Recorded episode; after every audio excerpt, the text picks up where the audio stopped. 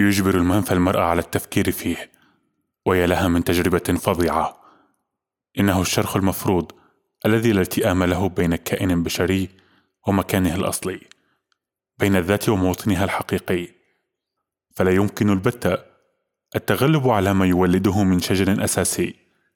وإذا ما كان صحيحا أن الأدب والتاريخ يحفلان بحوادث بطولية ورومانسية ومجيدة بل وظافرة حدثت في حياة النفي. إلا أن هذه الحوادث لا تعدو أن تكون جهودا يقصد منها التغلب على أسى الغربة الشال فمآثر المنفى يقوضها فقدان شيء ما خلفه المرء وراءه إلى الأبد. ولكن إذا ما كان المنفى الحقيقي حالة فقدان مبرم فكيف أمكن أن يتحول بتلك السهولة إلى حافز قوي بل ومخصب من حوافز الثقافة الحديثة؟ لقد اعتدنا النظر إلى الحقيقة الحديثة على أنها حقبة يتيمة ومغتربة روحيا عصر القلق والغربة. وقد علمنا نيتشه ألا نشعر بالارتياح للتقاليد. والثقافة الغربية الحديثة في جزء كبير منها نتاج المنفيين والمهاجرين واللاجئين والفكر الأكاديمي والنظري والجمالي في الولايات المتحدة لم يصل إلى ما هو عليه اليوم إلا بفضل أولئك الذين لجأوا إليه هربا من الفاشية والشيوعية. وسوى ذلك من الأنظمة المجبولة على قمع الخارجين عليها وطردهم. بل إن الأمر قد وصل بالناقد جورج شتاينر حد اقتراح أطروحة ثاقبة مفادها أن أدب المهجر يمثل جنسا قائما بذاته بين الأجناس الأدبية في القرن العشرين.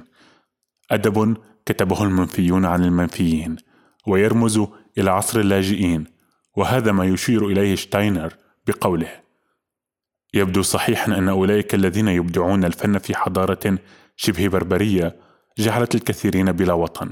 لا بد أن يكونوا هم أنفسهم شعراء مشردين ومترحلين عبر حدود اللغة شذاذا متحفظين نوستالجيين في غير أوانهم عمدا.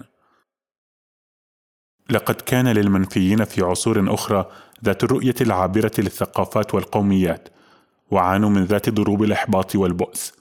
وقاموا بذات المهام النقدية المستنيرة المثبتة على نحو ألماعي مثلا في دراسة اتش كار الكلاسيكية المنفيون الرومانسيون والذي يتناول فيها المثقفين الروس الذين تجمعوا حول هرزن في القرن التاسع عشر.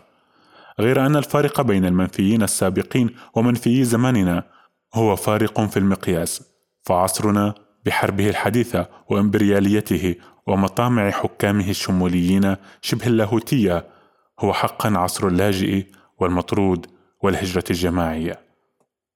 إزاء هذه الخلفية الواسعة وغير الشخصية فإن من غير الممكن وضع المنفى في خدمة أفكار الإنسانوية وتصوراتها. وبمقياس القرن العشرين فإن المنفى لم يعد من الممكن الإحاطة به لا جماليا ولا إنسانويا. أقصى ما هنالك أن يجسد أدب المنفى ذلك القلق وتلك الورطة التي نادرا ما يختبرها معظم الناس على نحو مباشر. غير أن التفكير بأن المنفى هو الذي يملي هذا على الأدب بوصفه أدبا إنسانويا محسنا هو بمثابة ابتذال لما يحدثه المنفى من البتر وضروب التشويه ولما ينزله من خسارات بأولئك الذين يعانون منه ولما يرد به من خرس على أية محاولة لفهمه على أنه خير لنا.